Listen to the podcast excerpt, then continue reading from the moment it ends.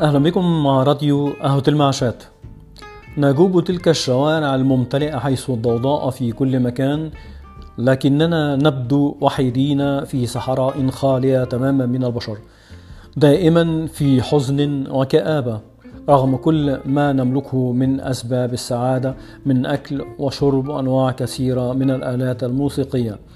الأمور دائما سلبية عندنا رغم كثرة الإيجابيات التي نمتلكها. هذا لأننا دائما ما ننظر لغيرنا على أنهم أفضل منا في كل شيء. نتابع الألم ونعيش بكل الجوارح. نعدد الأخطاء واحدا واحدا ليس للتصحيح وإنما نبين للغير أن بنا سحر. نتغاضى دائما عن الإيجابيات وما نتمتع به من أشياء أخرى. ونرى أنها عادية جدا فالكل يمتلك أحسن منها.